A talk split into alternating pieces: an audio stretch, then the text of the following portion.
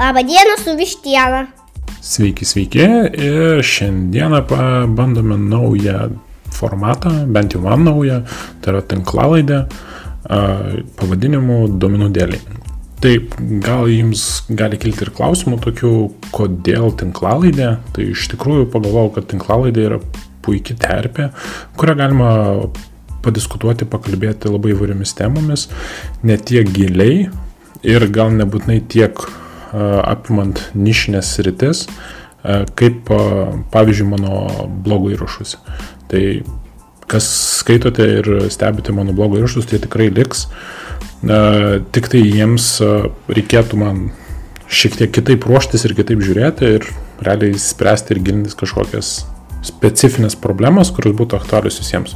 O būtent su tinklalaidė labiau norėčiau paliesti tas abstraktesnės temas, kurios apimtų a, tam tikro įrankio adaptaciją įmonėje, viso duomenų, visos duomenų platformos a, pasirinkimo a, nuo, tarkim, tos debesijos duomenų sandėlio sprendimo, duomenų nukrovimo ir visų kitų niuansų. Kaip tik galvoju, visai būtų gal įdomu pakalbėti, kaip skirtingos įmonėse žmonės a, keliauja per darbinimo procesą, būtent duomenų inžinieriaus rolėje. Ir realiai bet kas, kas susiję būtent su duomenimis. Šiuo metu temų, kokias norėčiau paliesti, dar nesu įsigrinęs iki galo. A, tai jeigu turite idėjų, ką norėtumėte išgirsti, arba temų, kuriamis norėtumėte padiskutuoti, tai mielai laukčiau jūsų žinučių per LinkedIn ir suderinsim tas detalės kaip kas ką, o jeigu tai bus pagėdavimas, e, galėsiu pažiūrėti, pabandyti, apžvelgti, pakalbėti vieną ar kitą temą. O dabar šiaip norėčiau perėti prie būtent to pirmojo epizodo, arba aš jums sutikiu tokį pavadinimą, tai yra pirmas blinas arba duomenų inžinieriaus gyvenimas. Tai iš tikrųjų, kodėl kilo man ši tema, tai kai mano dukra klausė, tėtė, ką tu veiki visą dieną, nes pagalvojau, ką aš galėčiau ją atsakyti. Nes šiuo metu, jai kas atrodo, tai kad aš sėdžiu prie kompiuterio, kažką, kažką sėdžiu ir darau, arba susitikimuose, ir kaip jinai sako, tik šneki ir šneki. Bet iš tikrųjų, duomenų inžinieriaus darbas nėra tik šnekėti, nėra tik tais prie kompiuterio, tarkim, sėdėti, aišku, ne kaip pilnai nuotolinis darbas. Tai galvoju, paliesiu šitą įdomią temą, iš tikrųjų, nes duomenų inžinieriai bendrai paėmus labai jie daug daro, Jie turi būti labai gerai susipažinę su daugeliu sričių. Ir galvoju, bus puikiai tokia pilotinė tinklalaidė, kurie galės žmonės sužinoti plačiau, ką veikia šitie mistiniai veikėjai, duomenų inžinieriai. O kodėl mistiniai, tai aš taip galvoju, gal labiausiai tiktų apibrėžimas, tai duomenų inžinierius, tai asmo, kuris yra nepastebimas, kol nėra problemų su duomenimis. Būtent taip įvardinčiau, nes kažkada su vienu kolega kalbėjome, kad didžioji dalis įmonės, čia nebūtinai toje, kuri dirbė, bet dirbo aš ar prieš tai dirbau, bet kurioje, kurioje duomenų inžinieriai, paklausus bet kurio kito darbuotojo, būtent ne iš duomenų srities, abejoju, kad labai daug kas ir giliai žinos būtent, ką tie duomenų inžinieriai apskritai veikia. Dalykas toks, kad duomenų inžinieriai dirba šėlėje, gaudo problemas, duomenyse magiškai sutvarko arba, kaip dar kai kurie sako, užsiminėja vudų arba juodąją magiją, paima pamasažuoja duomenis, pakeičia juos taip, kad atrodytų atitinkamai arba reprezentatyviai ir atiduoda lentelių pavydulų analitikams į kažkokias ataskaitas ar ten duomenų mokslininkams. Tai užsiemam to vadinamu black box sprendimu. O šiaip ir rimtai, tai iš tikrųjų, kaip ir minėjau, duomenų inžinieriaus rolė yra labai plati ir iš, susideda iš daugelio komponentų. Tai iš tokių bent jau šiuo metu, sakykime, mažiausiai aktualių tampanti dalis Tai yra infrastruktūra. Tai tarkime, mūsų subjektas e, duomenų inžinierius. Ką jis turi žinoti iš infrastruktūrinės pusės? Tai jam svarbiausia yra, kaip tie komponentai ir aplikacijos jungiasi tarpusavėje, kaip apsikeičia duomenimis, jeigu tokie yra, kaip vienas debesijos tiekėjas, kokius sprendimus turi pas save, kokie yra pas, tarkim, konkurentą, kaip nuo vieno pereiti pas kitą, kad neturėtų to tiekėjo nežinau iš tikrųjų kaip lietuviškai, bet to vendor lokino, turėti tuos pasiruošus įvertinus variantus, kaip reikėtų nuo vieno tikėjo migruoti pas kitą, jeigu taip nutiktų ir panašiai. Dalykas toks, šitoj vietoj reikia žinoti, kas vyksta, taip vadinam, po variklio gaubtu, kad žinotum, ką ir kaip pakeisti. A, tai pavyzdžiui, labai apart to, kad aš kaip minėjau, reikėtų žinoti, kas su kuo kaip jungiasi, ką galima, kur naudoti, kokios alternatyvos, e, bet iš infrastruktūrinės pusės aš sakyčiau, kad reikėtų dar žinoti, kokie kaštai atsiranda naudojant ar vieną kitą įrankį, kaip tas pats būtent paskirstytas skaičiavimas veikia, iš tų visų abstrakcijų, kaip optimizuoti, kad greita veika būtų geresnė. Ir, tarkime, kaip produkcionalizuoti vieną ar kitą atviro kodo aplikaciją, ar padaryti tam tikrą pakeitimą ir jį produkcionalizuoti būtent toj atviro kodo aplikacijoje. Šiomis dienomis, dėl ko aš ir sakiau, kad tai yra tampanti mažiausiai aktuali būtent tam duomenų inžinieriui, tai kad e, jeigu įmonė pakankamai didelė, šį darbą dažniausiai perima tai vadinama DevOpsai, e, Cloud inžinieriai ar tarkim Data Platform ar Data Infrastructure inžinieriai, kurie iš tikrųjų būtent užsima tuo didžiuoju vaizdu ir rūpinasi būtent detalėmis, kas ten kaip jungiasi ir ką daro. Bet tai nereiškia, jau duomenų inžinierių nereikia tokių dalykų darytis niekad pačiam. Pavyzdžiui, kai kuriais atvejais, jeigu prioritetai yra ne visai palankus tavo atveju, tau kartais yra greičiau tiesiog pasidaryti pull requestą, perduoti komandai, kad tai patikrintų, pažiūrėtų, ir tai su, sumeržintų ir, tarkim, jau greičiau pajudėtų, negu kol jie prieis su savo prioritetais. Dar variantas, aišku, jeigu tu nori pasikelti, pasidaryti, tarkim, naują, pasimatyti naują įrankį, kartais irgi praverčia visos šitos žinios. O pats geriausias pavyzdys, kur reikia žinoti infrastruktūrinius dalykus, tai būtent, kad ateini į startupą, tai ir ten reikėtų tau statyti infrastruktūrą nuo nulio, žinoti, kaip kas jungiasi ir būti išsirinkus, su kuo tu nori dirbti, Tai kartais paverčia procesą žymiai paprastesniu ir lengvesniu. Tai va, čia vienas iš tų buvo trumpesnių, tarkim, trumpesnių temų, kurias norėjau paliesti būtent apie duomenų inžinierius rolę. Dabar einam prie tų, mano nuomonė, svarbiausių ir labiausiai aktualių, tai būtent į data pipelines arba gal verstusi duomenų srautai. Tai šitas yra vienas iš svarbiausių dalykų ką duomenų inžinieriai veikia per dieną. Tai duomenų inžinieriai gali arba dažniausiai dirba vienu iš dviejų, kartais ir dviejų, a, pri, dviem principais. Tai vienas yra tas realių laikų arba beveik realių laikų, jeigu būtų angliškai, tai yra real, real time arba near real time, arba partijomis, tai tas batch processingas. Tai norint užtikrinti, kad mūsų duomenys vienu ar kitu būdu teisingai nugultų į mūsų duomenų sandėlį, data warehouse, tai visas mūsų tas srautas turi būti gerai apgalvotas ir patikrintas a, visokiais a, tais nenumatytais arba, tarkim, labai retais nutinkančiais atvejais, kad niekas nesugriūtų ar nepakeistų duomenų a, nepakeičiamai, pavyzdžiui. A, tai puikus pavyzdys, pavyzdžiui, ko nenaudoti, na, tai produkcijoje nenaudoti select žvaigždutės. Kodėl? Nes jeigu prinaudosim mes kažkur, pridėsim vieną papildomą lauką arba išmesim vieną lauką, kai kuris atvejais visas mūsų tas sudėliotas duomenų kelias, jis tiesiog sugrius. Arba dar yra tokių niuansų, kad kai kur uždedama limit ir limituojamės mūsų a, eilučių kiekį, kurias mes perdedame.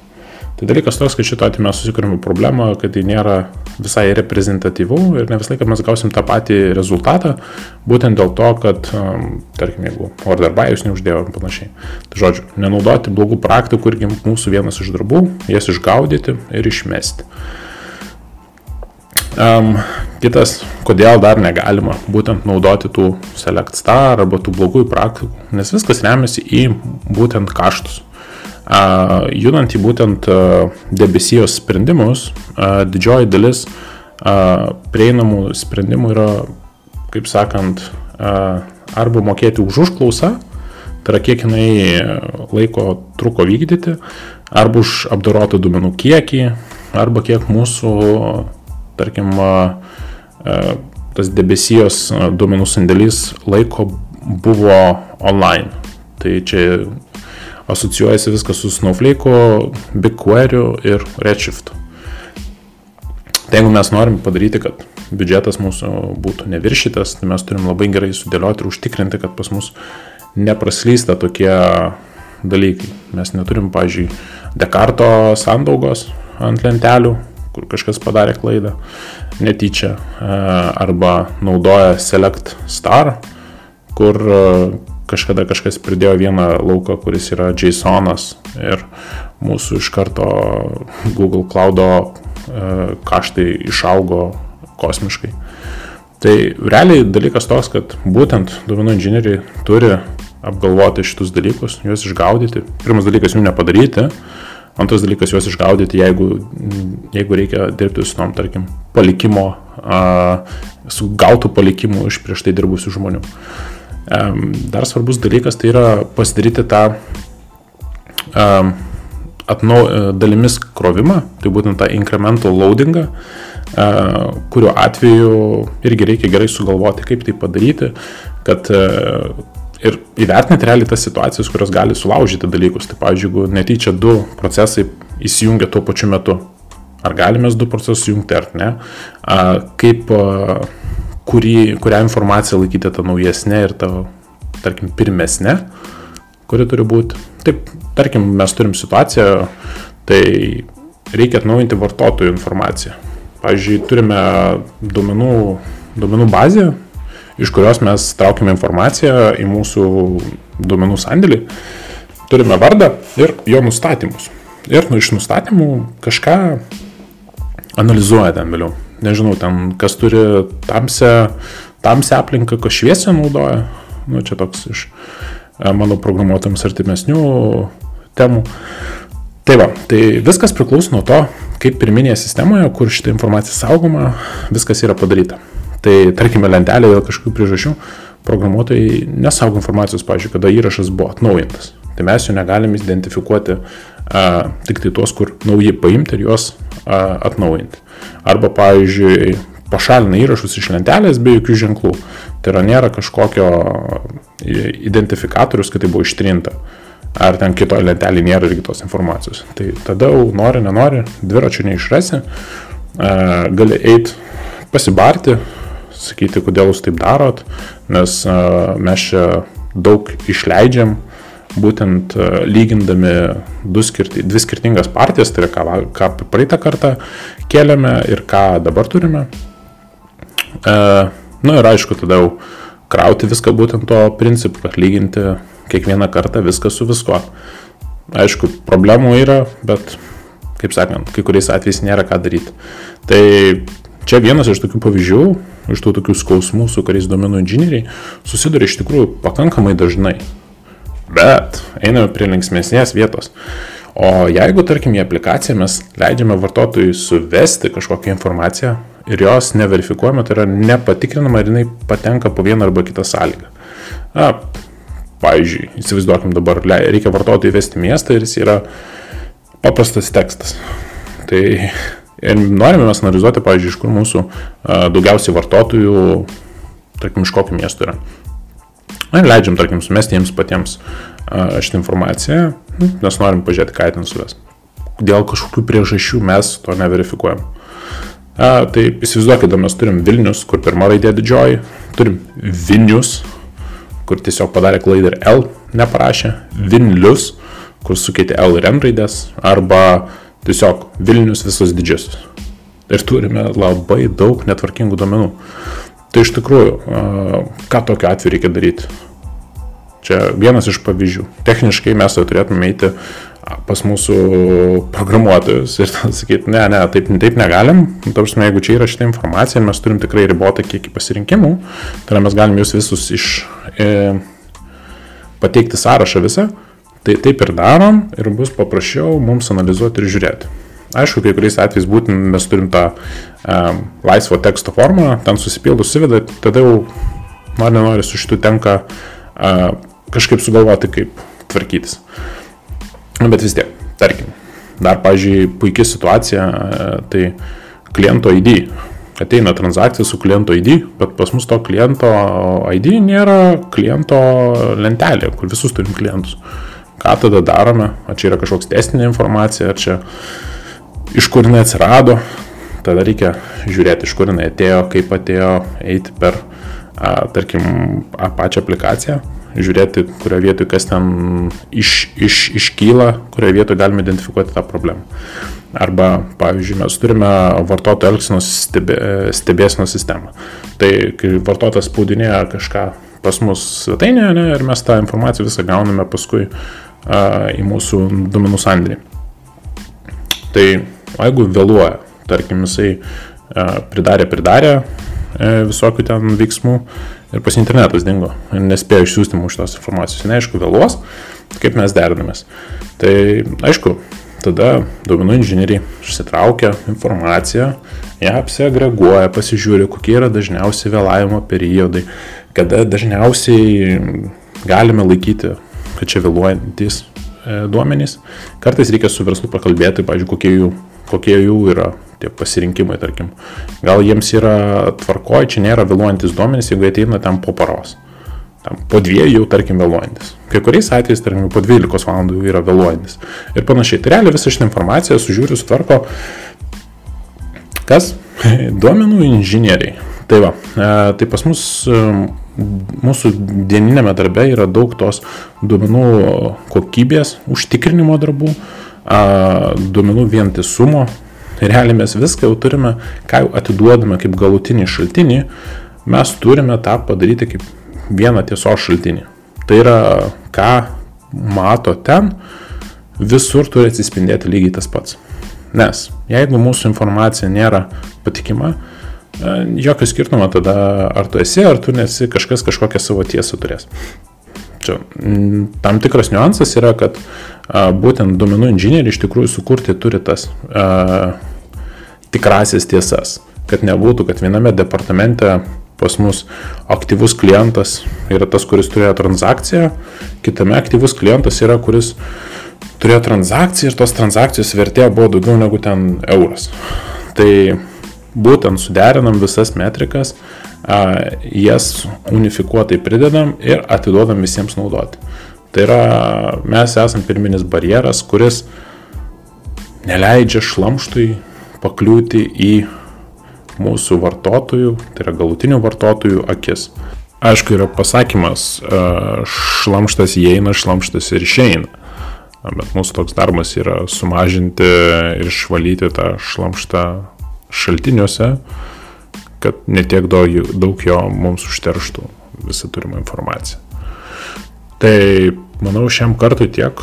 Tikiuosi padėjau jums geriau suprasti, ką mes veikiam, kokios mūsų pagrindinės problemos, su kuriamis susidurėme ir kokie mūsų tie skausmai.